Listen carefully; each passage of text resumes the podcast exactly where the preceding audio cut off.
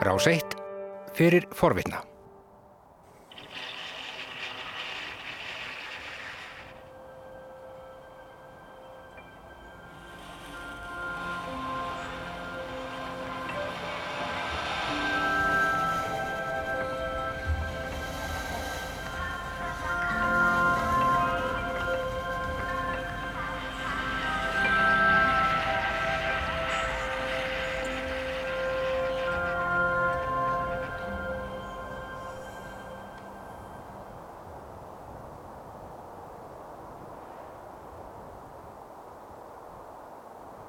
Það er snjór allstaðar, svartir steinar inn á milli.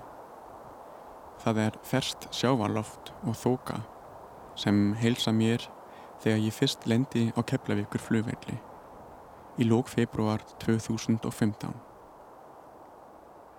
Ég er að flytja í nýtt land, inn í nýtt samfélag með nýtt tungumál. Fyrstu orðin mín á íslensku eru tilraun til að kaupa rútumíða til Reykjavíkur. Og meðan ég býð eftir farangrunum mínum byrja ég að rifja upp setningarnar sem ég læriði á námskeiðinu í Berlin. Ætti ég að byrja á mig langar eða ég ætla eða einhverju allt öðru? Ég verð gríðarlega stressaður yfir þessum fáu ómerkilegu orðum En svo verðist manneskjan sem er að afgræða mig. Hvotið er ekki skilja orð af því sem ég segi. Hún svarar á einsku og ég er fegin og svektur á sama tíma. En ég kemst allavega til Reykjavíkur. Fá einum dögum síðar fer ég í atvinnu viðtal á frístundaheimili. Við byrjum viðtalið á íslensku En ég kemst ekki mikið lengra en að segja að ég heiti Július og eigi mörg sistkinni. Við klárum viðtalið á ennsku og ég er svolítið hissa þegar mér er bóðin vinna.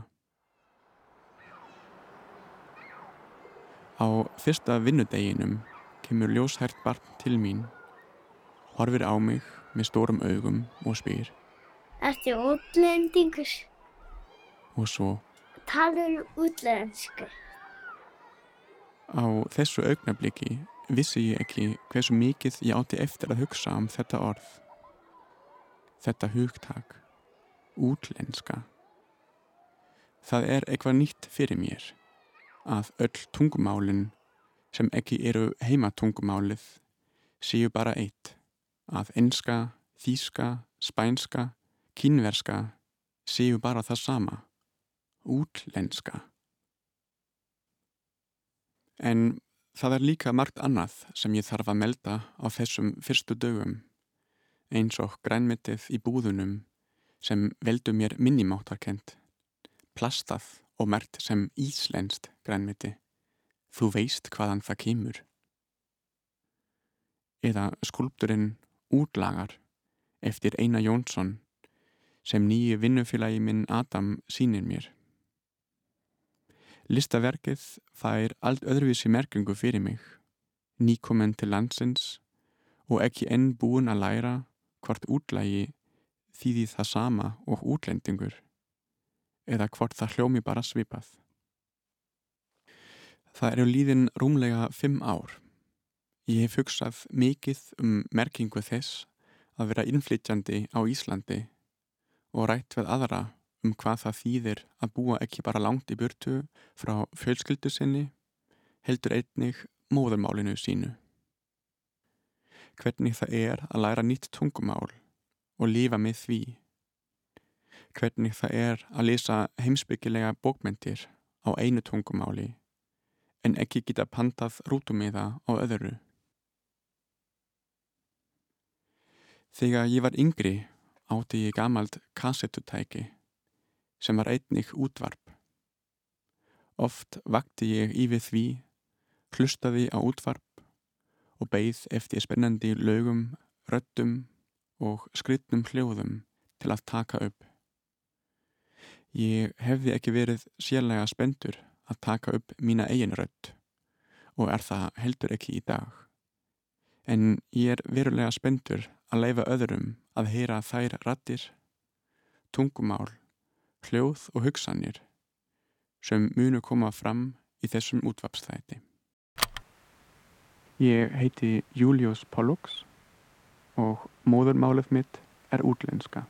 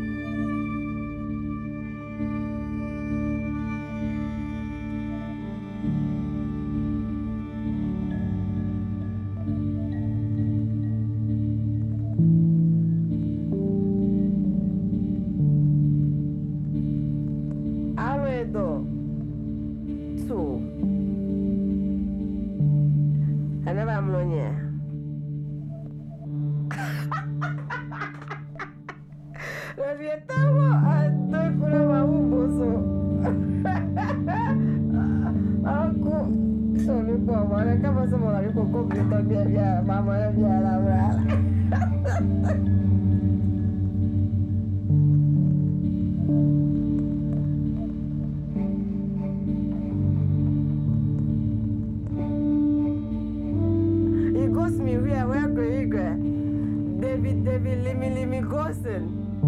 Don baba demili mi gosen asa koma. David Livingston, enya David Limili mi gosen. My goodness.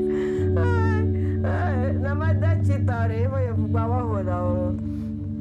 Rodana, roda chitak bofi, roda chitak bofi, evo je baba kata hona. Evo je tam kokoga.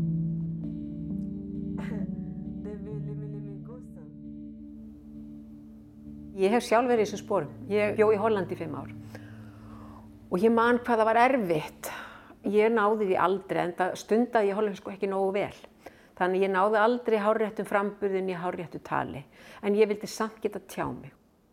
Þetta er Sigriður Ólafsdóttir.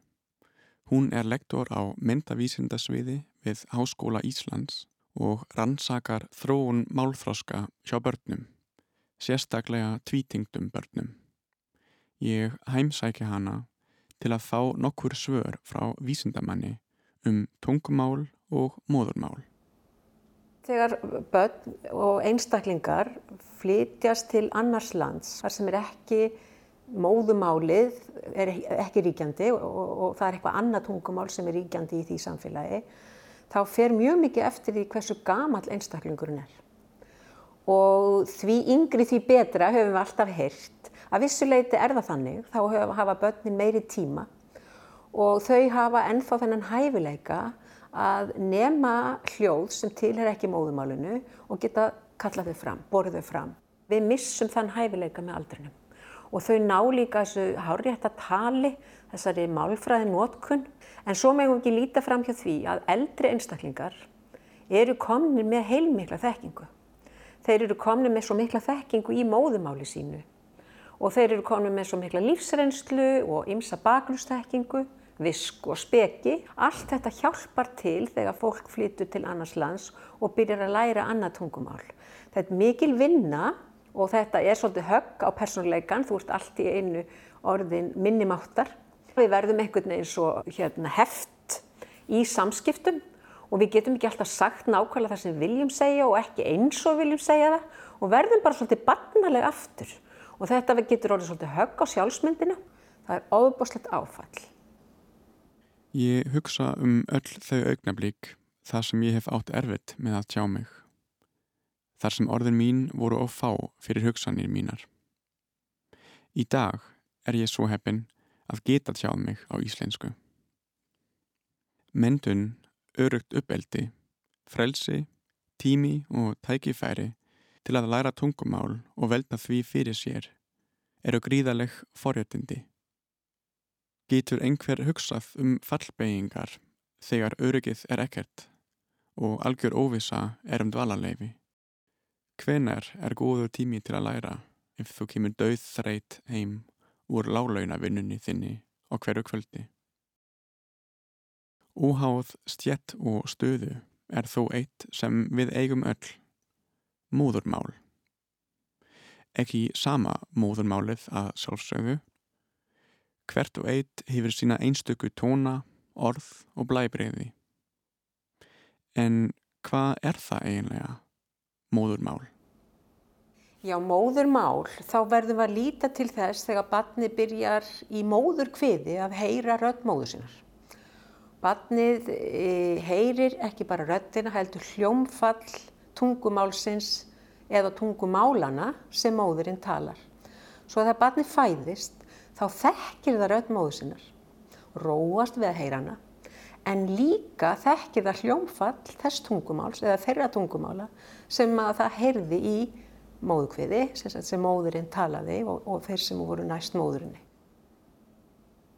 Á íslenska vísindavefnum finn ég einnig þessa setningu.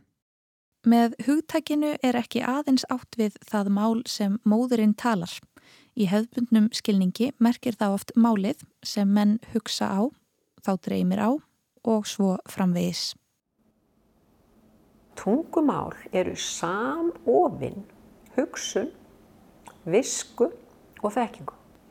Ef þú ert sterkastur í þýsku, sem er þitt móðumál, þá er þín hugsun þar, miklu, þú nærð miklu flóknari hugsun þar. Þú ert með miklu meiri visku sem tengist þýskum orðum heldur en íslenskum. Þannig að þá ertu sterkari sem þýskur einstaklingur heldur en aftur á móti eða þú værir að hugsa á íslensku.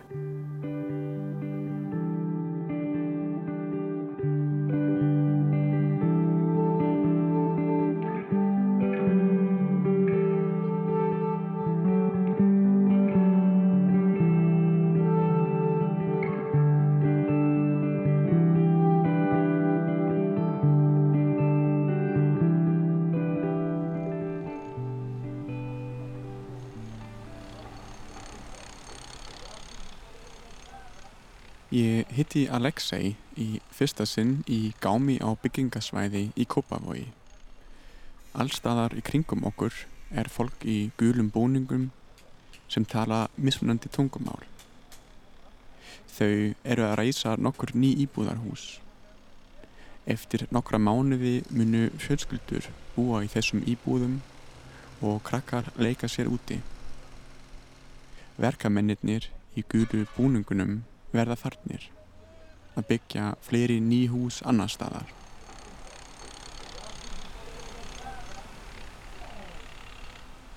Alexei kom til Íslands árið 2008.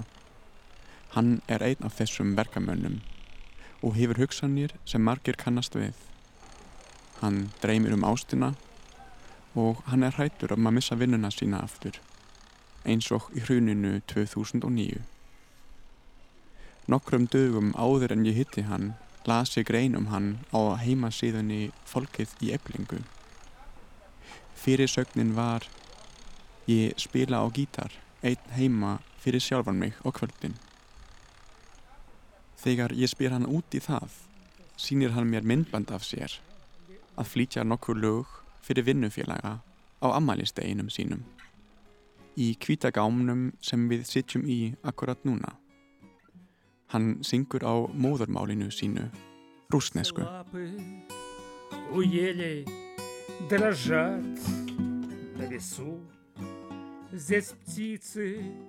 Næst, þegar við Alexi hittumst, spílar hann nokkur af þessum rúsnesku lögum fyrir mig. Og hann segir mér frá þeim, fyrst á íslensku og svo á rúsnesku. Uppaháls lægið hans er ástalag sem fjallar um mann sem finnur ástina sína og lofar henni að lífið með honum mun vera eins og í paradís, þrátt fyrir að hann sé ekki ríkur. Ég tala hvorki nýje skil rúsnesku, en þó svo að Alexei segi mér frá læginu á íslensku og ég viti nákvæmlega hvað lægið fjallarum, þá skil ég það ekki, finn ekki fyrir þýðingu þess fyrir en ég heyri Alexei segja frá því á móðurmálinu sínu, með allri þeirri visku, þekkingu, næmni og tilfinningum sem hann byr yfir.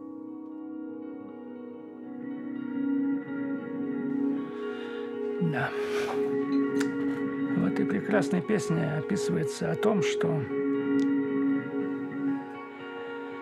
девушка живет в красивом, прекрасном, заколдованном лесу, где очень прекрасно все, где дождем опадают сирени, и черемухи сохнут бельем на ветру. И он, рыцарь, хочет однажды забрать ее в белый терем с балконом на море. Вот. И он говорит об этом, что когда-нибудь, если хочешь, я тебя украду даже. Я на руках тебя унесу, украду и заберу с собой. И при этом говорит, соглашайся хотя бы на рай в шалаше. А рай – это прекрасная жизнь, когда люди любят друг друга, живут вместе, им не нужны какие-то великие богатства. Главное, что они друг с другом рядом. А, как говорится в русской пословице, с милым рай и в шалаше. Вот так Владимир Высоцкий прекрасно изобразил это в своей песне, в лирической, которая так называется «Лирическая». Одна из моих любимейших песен.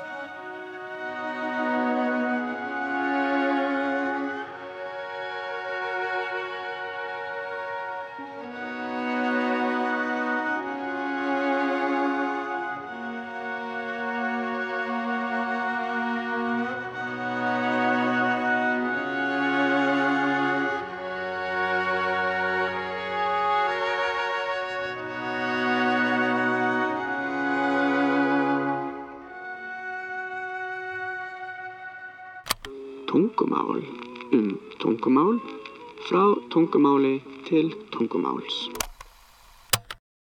Saudade er einstak orð sem finnst einigus í portugalsku. Það er tilfinning sem býr í hjartanu mínu. Að sakna fjölskyldum mínar og úbruna míns. Það er frekar erfitt að koma þessari tilfinningu í orð og þýða orðið saudade almennilega. Þetta er tilfinning eða hugtak sem við höfum í Brasilíu sem væri kannski betur skiljið ef þú hefur einhver tíman búið þar. Þetta er Fernanda. Hún fættist í Brasilíu inn í fjölskyldu með rætur á Spáni, Ítalju og í Japan. Þegar hún segir mér frá þessu einstaka orði og reglulegum símtölum sínum við mömmu sína í Brasilíu, minni það mig á grein eftir hugsuðin Hönnu Arendt.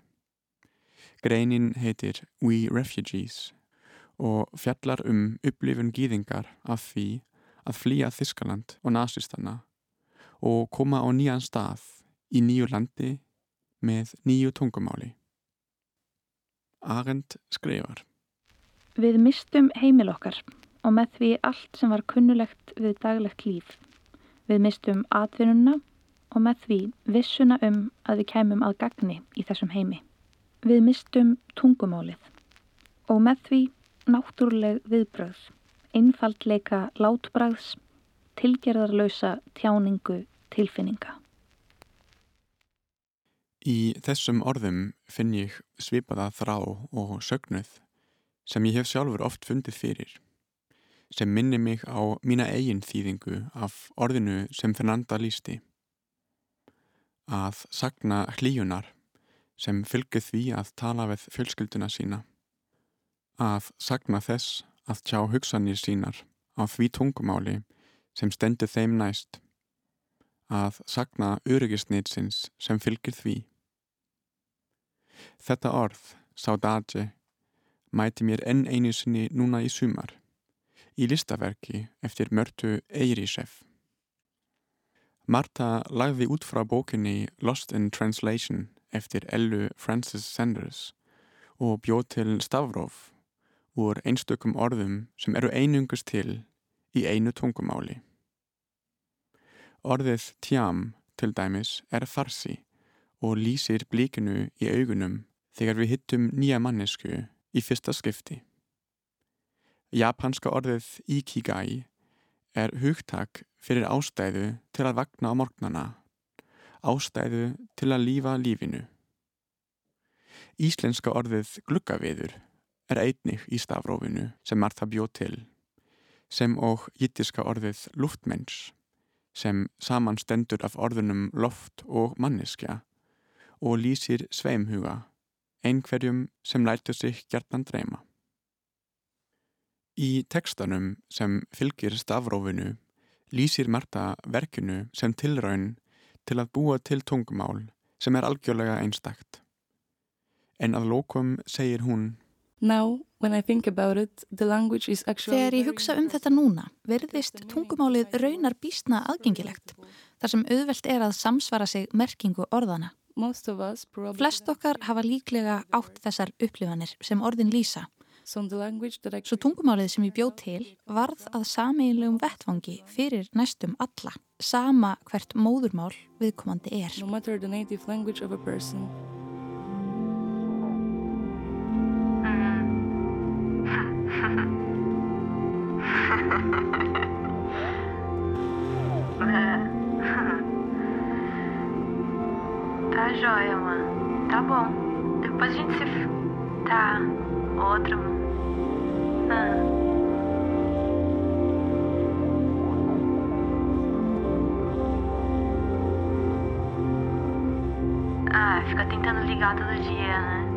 falei pra ele, pra ele me dar um tempo, porque ele fica querendo ligar todo dia. Não precisa falar todo dia.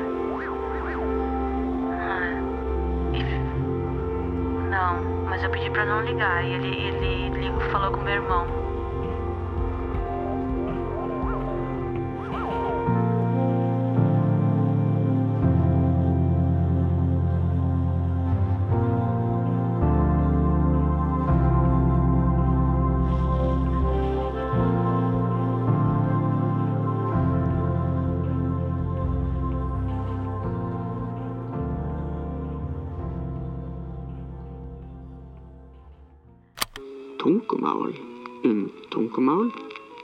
Tungumáli til tungumáls. Í ennsku og öðrum vestrænum tungumálum er orðið ég notað svo mikið og í ennsku er æ jafnvel skrifað með stórum stafi. Það hljómar eins og fólkið sé mjög upptekinn af sjálfum sér og, veist, og þetta eru reyndar mjög einstaklingsbundin samfélög en til dæmis í slavnesku eða rómanskum tungumálum er hægt að tala mjög lengi og segja marga setningar án þess að nota persónu fornafn, án þess að segja ég. Og þessi samfélag er líka svolítið meira sammeinleg. Þetta er Ísidóra. Ég kynntist henni og kærastanum hennar Dúsan þegar við vorum að vinna saman á frístundaheimili og vorum öll nýflutt til landsins en kannski viltu bara kynna þið sjálf, Ísidóra? Já, ég heiti Ísidóra en ég ber fram namni mitt sem Ísidóra á Íslandi svo að Íslandingar skilja mig betur. Uh, ég er halv sernesk og halv svartfelsk en ég ólst upp í Serbíu og flutti til Íslands árið 2015. Ég er nú meistranemi í máltækni en ég lauk námi í íslensku sem annað mál. Ég var nú þegar með bjagráðu í skandinávskum málum frá Serbíu. Þú kemur frá landi sem hefur farið í gegnum stríð og marga breytingar eftir upplausn Jugosláfiu á tíunda áratugnum. Hvernig hefur það haft áhrif á tenginguna þína við móðurmálið þitt? Ég ólst upp í Serbíu, svo ég endaði með þennan hreim sem er einlega serneskur og til skýringar það eru fjögur tungumál frá fyrrverandi Jugosláfiu, kroatiska, bosniska, serbneska og svartfælska sem eru alveg skiljanlega sinna milli og þú veist og það er þunn lína sem atskilur hvar málisku munir enda og neitt tungumál byrjar. Og þessi lína er oft uh, pólitisk. Svo hvert sem ég fer og í hverju skipti þegar ég opna munnin þá er ljóst hvaðan ég kem. Og þú veist, jafnvel að ég hafi alltaf samsamað mig meira með svartfjallalandi með minni svartfjalsku síðu svo gæti ég aldrei verið svartfjallingur. Ef ég reyni að segja að ég væri þá, þá, þá bara gerir fólk grína mér jafnvel mínu nánustu að því að, þú veist, ekki til þess að gera mér mein eða eitthvað en bara, þú veist, að ganga úr skugga að ég sé ekki svartfjallingur og Þú veist, ég get ekki verið svartvæðingur út af því að ég tala bara ekki rétt. Så ég var aldrei svo hrifin af hugmyndafræði um tungumál sem hluti af sjálfsmynd í þessum skilningi. Auðvitað eru tengsl milli tungumáls og menningar. Þú veist, ég get augljóslega séð hvernig þetta tengist. En mér finnst þessi hugsun leiða til vons, til þjóðernishyggju, aðskilnadarstefnu og útilokkunar. Þjóðernishyggja almennt var ekki til fyrir en á 19. öld með romantiska stefnu sem lagði áherslu á tungumálið og menninguna og landið sjálft, þú veist, moldin sem hluta af persónulegri sjálfsmynd. Þú veist, sem byggir aðeins á stadnum sem þú kemur frá, tungumáli sem þú talar og þetta er svolítið fáranlegt. Tungumálið sem ég ólst upp með var serbokrótiska og þá allt í einu héttað bara serneska og í svartfjallalandi er það kallað svartfjallska sem mamma mín og þú veist margir sem ég elska að tala. Svo fyrir mig var mjög erfitt að ákveða og velja eina sjálfsmynd sem er tengt að einu tungumáli og einni menningaruppbyggingu sem misti alveg að þessari þjóðrækni tengt tungumáli og landi. Mér finnst þegar ég er að læra nýtt tungumál þá fæ ég pásu frá forsögunni minni og tækifæri að uppgötva sjálfan mig á nýjan hátt. Tengir þú við það? Já, mér liður einlega mjög vel á Íslandi vegna þess að ég get alveg afsala mér þessari sjálfsmynd sem ég hafði í raun aldrei haft. Það veist, það var alltaf uh, ringluð yfir og svo ég get bara verið ég. Þess, mér finnst að sjálfskenjun breytist aðeins með hver, hverju tungumáli sem mann talar. Ég tala í mismunandi tónhætt til dæmis þegar ég tala mismunandi tungumál. Á íslensku vegna þess, þú veist að ég var svo óörug í byrjunni, byrjaði ég að hækka tónhættina mína og tala mjög hljóðlega. Svo það hefur öruglega áhrif á það hvernig fólk skinjar þig og síðan hvernig þú skinjar sjálfan þig. Þú veist, og ef ég er þessi stressuð manneskja sem er svo hræð að segja eitthvað ránt, þá breytir þetta líka þess hvernig ég haga mér í kringnum fólk. Hvaða erðurleikar sér þau í tengslum við það að vera í þessu samfélagi með nýtt tungumál? Mm, almennt er ég ánægt, þú veist, með það að ég get yfirlegt pjargað mér á íslensku núna. Þú veist, vegna þess að svo margt er aðgengild bara á íslensku. Þú veist, ég get fylgst með því sem er að gerast í samfélaginu og ég get líka hjálpað öðru fólki þá sem hefur enga hugmynd um hvað er í gangi og oftast er eina ástæðan fyrir því að þeir hafa enga hugmynd einmitt tungumála hindrun. Svo margir sem hafa verið hér lengur en ég vita ekki um, ákveðna tætti í skattkerfinu á atvinnumarkaði, útlendingastofnun og dúlarfulli stefnu hennar. Þú veist, að læra tungumálið það hjálpaði mér að átta mig á hlutunum. Ég hafði neikvæða reynslu þegar barnið mitt fædist hér í 2017 um, vegna þess að honum var sinjað um dvalaleifi í upphafi þótt við fóröldrar séum með leifi. Svo ég fór og las í raun öll útlendingalögin sem voru líka aðgengileg bara á íslensku þá. Þú veist, ímyndaðu þér þetta, þú veist, lögin um útlendinga, svo allt sem snist um réttindi okkar og skildur hér á landi, bara á íslensku. Ég frétti reyndar að þau voru þitt loksins sem er mjög jákvægt auðvitað en þú veist árið 2017 var þetta ekki það var svolítið þreytandi reynsla en það leiði samt til nokkra góðra hluta. Þú veist, ég hef lært nokkuð atriði um hína mikla skrifstofuveldi á Íslandi svo ég get nota það að hjálpa öðrum sem reyka sig á veg. Ég veit að þú ert mjög forrutinn og áhugasum um tungumál. Er þú búin að uppgötva íslenskt orð sem þér finnst spennandi eða merkilegt? Uh, já, mér, mér finnst uh, mörg orð skemmtileg en til dæmis mér fannst lýsingarorðið leiðinlegur alltaf mjög áhugavert síðan ég uppgötfaði að það þýðir ekki bara óskemmtilegur eða þú veist það sem veldur leiða veist, sem mann lærir fyrst en það þýðir líka sorglegur sem veldur erfiðleika. Þú veist, ef ég kæmi til uh, Íslandings og sagði að amma minn dó eða eitthvað þá væri, væru bara viðbrögdinn ó það er svo leiðinlegt það er svo skrítið húttak að hafa sömu viðbrókt þegar einhver er að tala um áfall eða þú veist eitthvað erfitt og þegar þér bara leiðist einhver saga. Það er líka áhugavert húleiðing um tengsl tungumáls og menningar, þú veist hvernig fólk skinjar og talar um deburð til dæmis. Þess ég þekki ekki önnur tungumál sem nota sömu orðin að tengja bæði hluti sem eru leiðinlegir og sorglegir eða vandasamir. Polish is a secret language in here. a secret language of, of uh, basic workers.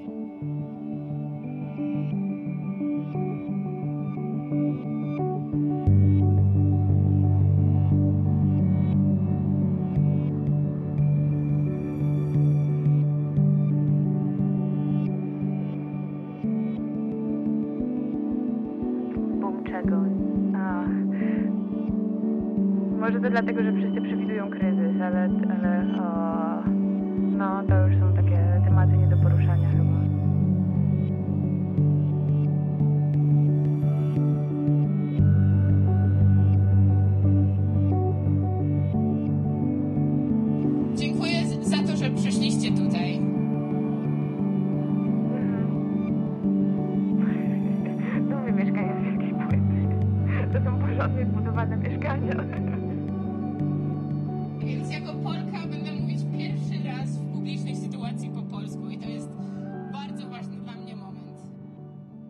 Ik heet Anna Mariankowska. Eh, Ik er vrouw Polandi. Ik er tutto gauta aura gomul. Eh, Ég kom hingað fyrir fjögur árum og það er margt búið að breytast. En fyrst og fremst mun ég kalla sjálfan mig labor organizer.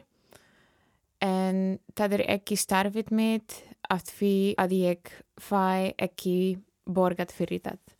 Eh, En svo er ég líka að vinna sem ástöðakona í NPA-program og í samvinnufélag Fraktal. Anna, í læginu sem við vorum að hlusta á, heyrum við þig segja að polska sé leinitungumál verkafólks á Íslandi. Hvað býr þarna að baki? Hefur þú einhver tíma setið lengir í strætó? Ef þú hlustar af bitstjórna að nota talstöðina, það eru þeir oftast að tala á polsku sína milli. Af því að flestir bitstjórar eru polverjar. Þannig að þegar við tólum um polsku sem leini tungumál verkafólks á Íslandi, það er það fyrst og fremst af því að polverjir eru stræsti hoppurinn innflytjenda á Íslandi. Og þessi hoppur er búinn að vera partur af íslensku samfélaginu í meira en 20 ár. Þau eru að vinna í housekeeping, í verksmiðjum, sem bílstjórar, á veitingastöðum, í tjónstu, bara allstaðar. En svo er það leini tungumál að því að það er svo erfitt að skilja og leira polsku. Hvað er þín persónuleg upplifun af þessu leinitungumáli? Það er búið að vera mjög mikilvægt fyrir mig persónulega. Mjög mikið í fyrra þegar við vorum að skipulega uh, verkfallið og mótmælin láglauna fólks á Íslandi. Fyrir mig sem er að reyna að hjálpa verkafólki að fá reytindin sinn og fá meira vald, þá var það mjög mikilvægt og hjálplegt að vera frá Pólandi og geta notað móðurmálið mitt. Þegar þú ert að reyna að sinna fólki hversu mikilvægt samstæða er, það er það mikil kostur að tala við fólk á móðurmálinu þeirra, að sína þeim að við erum öll saman í þessu og ekki íta undir samkeppni. Að nota tungumálið til að standa saman. Við erum með öll þessi stór orð á polsku fyrir samstöðu umhyggju. Solidarność, opieka, troska. Hvað finnst þér þegar fólk er að segja að innflytjendur ættu nú bara að læra íslensku? Sem manneskja í láglauna starfi er það mjög erfitt að læra íslensku. Í morgun vinnustöðum ferðu ekki tækfæri að tala við Íslendinga. Hver er að vinna í fiskverksmiðjunum? Þú ert ekki að fara að hitta marga Íslendinga þar. Að fótt til kemur einhver til þinn segir þér bara læra íslensku. Svo að þú getur komið lengra. En að læra tungumál gerist ekki strax, það er langt ferli. Og það hafa ekki allir tækfæri til þess. Sérstaklega, þegar þú ert í svoleiði störfum, þú kemur bara þreyt heim eftir vinnu og hefur ekki tíma til að fara á íslensku námskið. Finnur þú oft fyrir einhvers konar aðskilnaf á milli innflytjenda og heimafólksins í þessu samfélagi? Er það sama samfélagið? Íslenska samfélagið og samfélagið innflytjenda. Erum við með atskilin samfélag? Ég veit það ekki. En ég held að það sem ég og margir vinnir minna eða til dæmis stór hópur af íslenskum að gerða sínum, bara aktivist, gerir. Uh, það eru skref í átt að meira jafnrétti í samfélaginu. Og þegar ég tala um meira jafnrétti í samfélaginu, það meina ég samfélag, það sem manneskjur reyna að skilja hvort annað. Eins og í slaviskum tungumálum, þú getur skilit þau öll, en þú tarf að reyna og vilja það. En ég hef heyrt uh, að polsku námskeiðin í Háskóla Íslands eru orðin meira og meira vinsæl, tangið að kannski er einfalt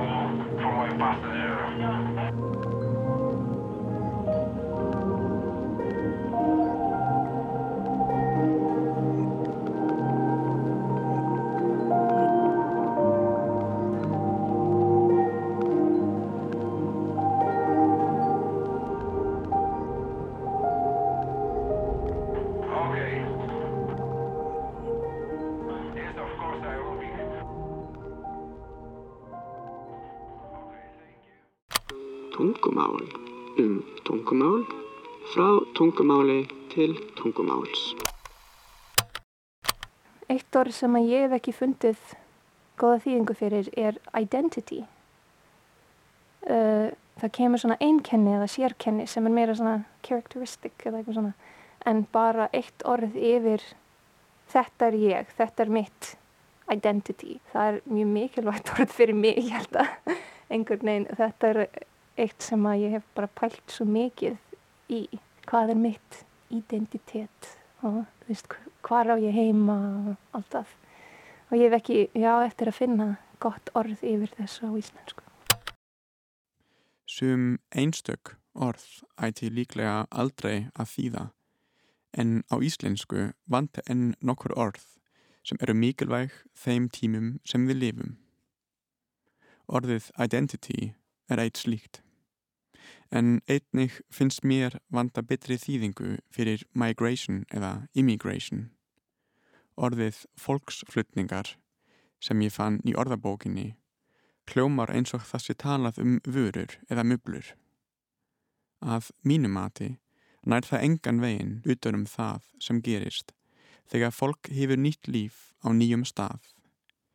Tekur alla söguna sína með sér og byrja nýjan kapla. Þegar ég vann í kvikmyndahúsi lendi ég oft í því að fólk nálgaðist míðasöluna óvist um hvaða tungumál það ætti að tala og spurði Er þú Íslendingur? Það er flókin og svolítið óþægileg spurning. Þó ég geti valla ímyndað mér að einhvern skuli hugsa þannig þá hljóma spurningin eins og bara Íslendingar tali íslensku og að þetta tungumál sé bara ætlað þeim sem eru fætt hér og eiga íslenska rætur. Eða hýrist bara ekki nóg í röttum sem tala íslensku með hreim. Á nýlegum tónleikum með tónlistarkonunni Jelinu Čírić sagði hún frá orði sem hún bjóð til, sem ég fannst frábær leið til að yfirstíga gömlu hugmyndina um Íslendinga og útlendinga en kannski leiði ég Jelinu að segja sjálf frá þessu orði. Sko mér finnst ekki að ég sé orðin Íslendingur en þá, en þegar fólk spyr mig, ertu Íslendingur, þá finnst mér líka erfitt að svara neytandi. Af því að hinn valkosturinn er að vera útlendingur og mér finnst þessi orð svo aðskilin einhvern veginn að það séu Íslendingar í einu hópi og útlendingar í öðrum hópi. Þannig að ég bjóð til orð til þess að lýsa mína stöðu í samfélaginu uh, hér á Íslandi og það er orðið innlendingur.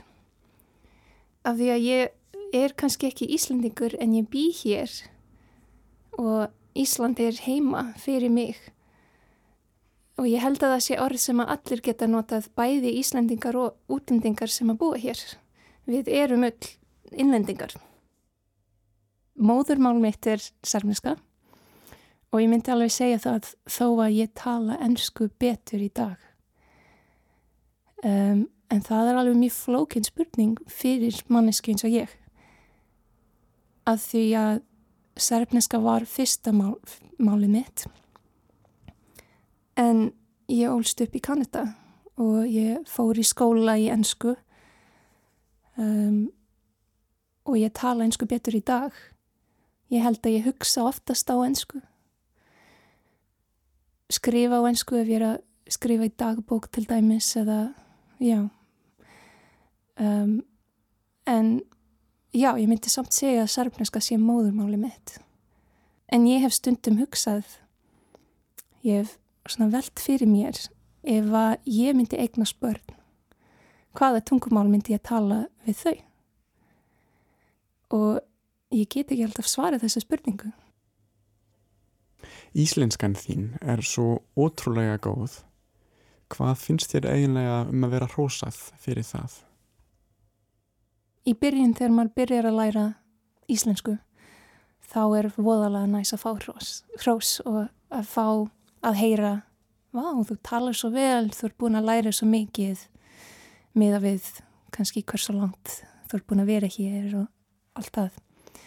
En því lengra sem að maður sé í landinu og því minna sem að maður sé að hugsa sjálfur um þetta ferli því minna sem að maður kannski þarf að heyra hrós uh, og því meira sem að maður vill bara fá að tala og já, halda samræður og einmitt að því meira sem að maður vill að fólk sé að hlusta á hugmyndir manns og hvað maður sé að segja heldur en hvernig.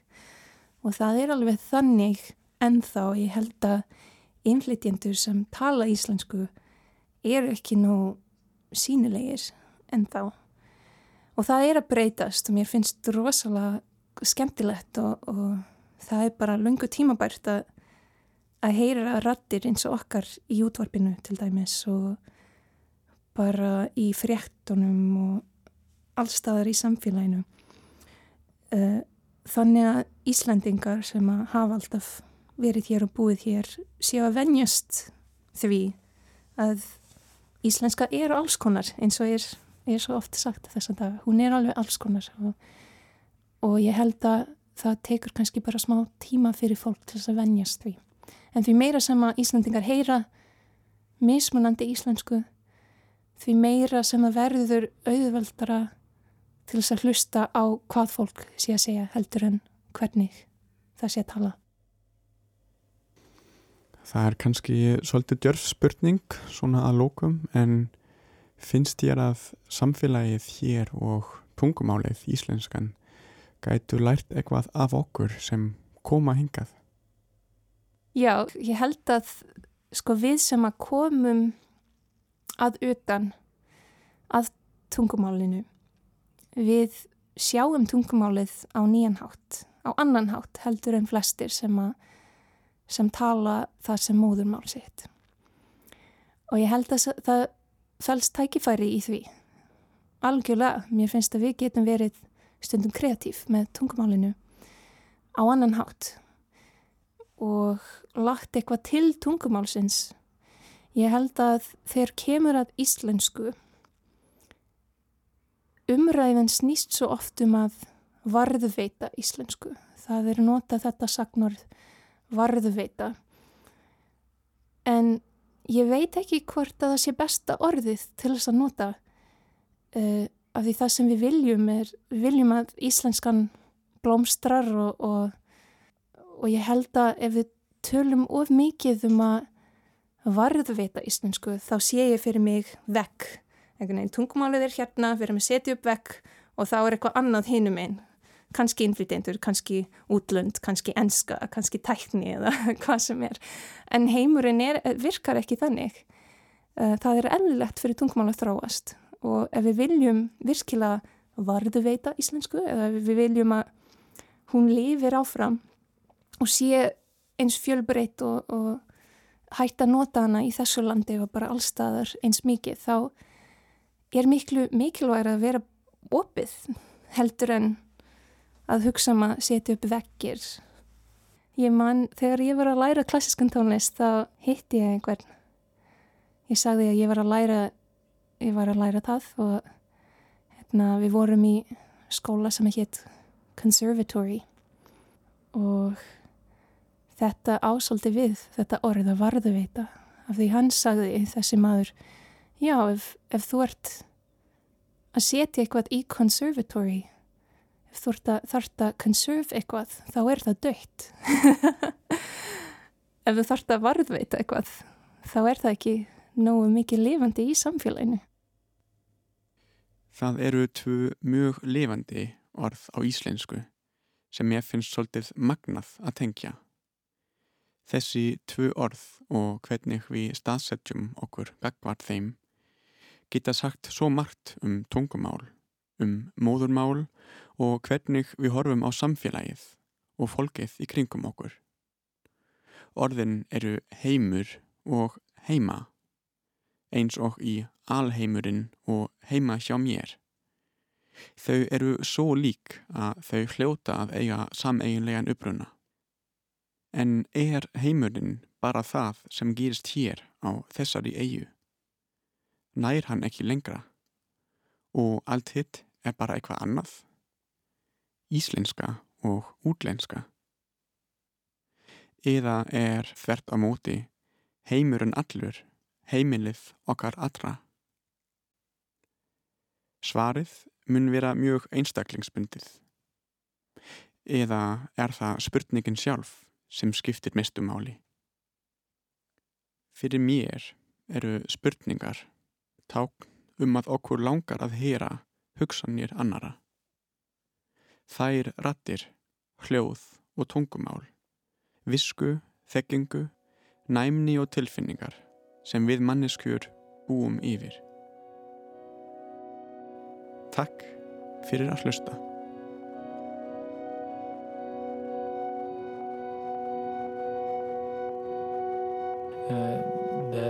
በዚህ ራቱች በሌች የተባነ ሜተነ ሜተነ ሽድ ሜተነ ደ ያግሚን ቴስት ያግሚን ሊገቱ ያጎ አስኮታ ፐሬጃ ደምኒ ያው ራፍቲ ሙርዲ ኤች ከዝ یا پلیس گرفت و دیپورت کرد.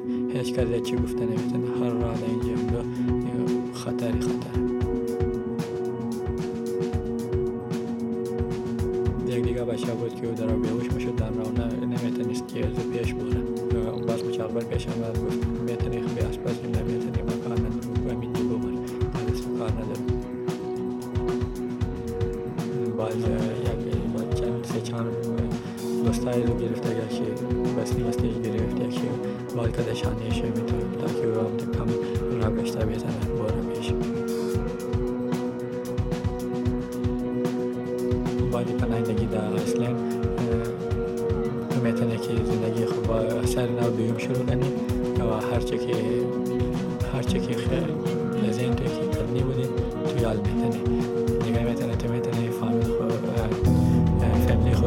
مالی مدد کنی صرف مرد خانمان اولیو خطر نیه که مرد میرا باره کشته شده یا زده شده یا اغوا شده اینجور چیزا.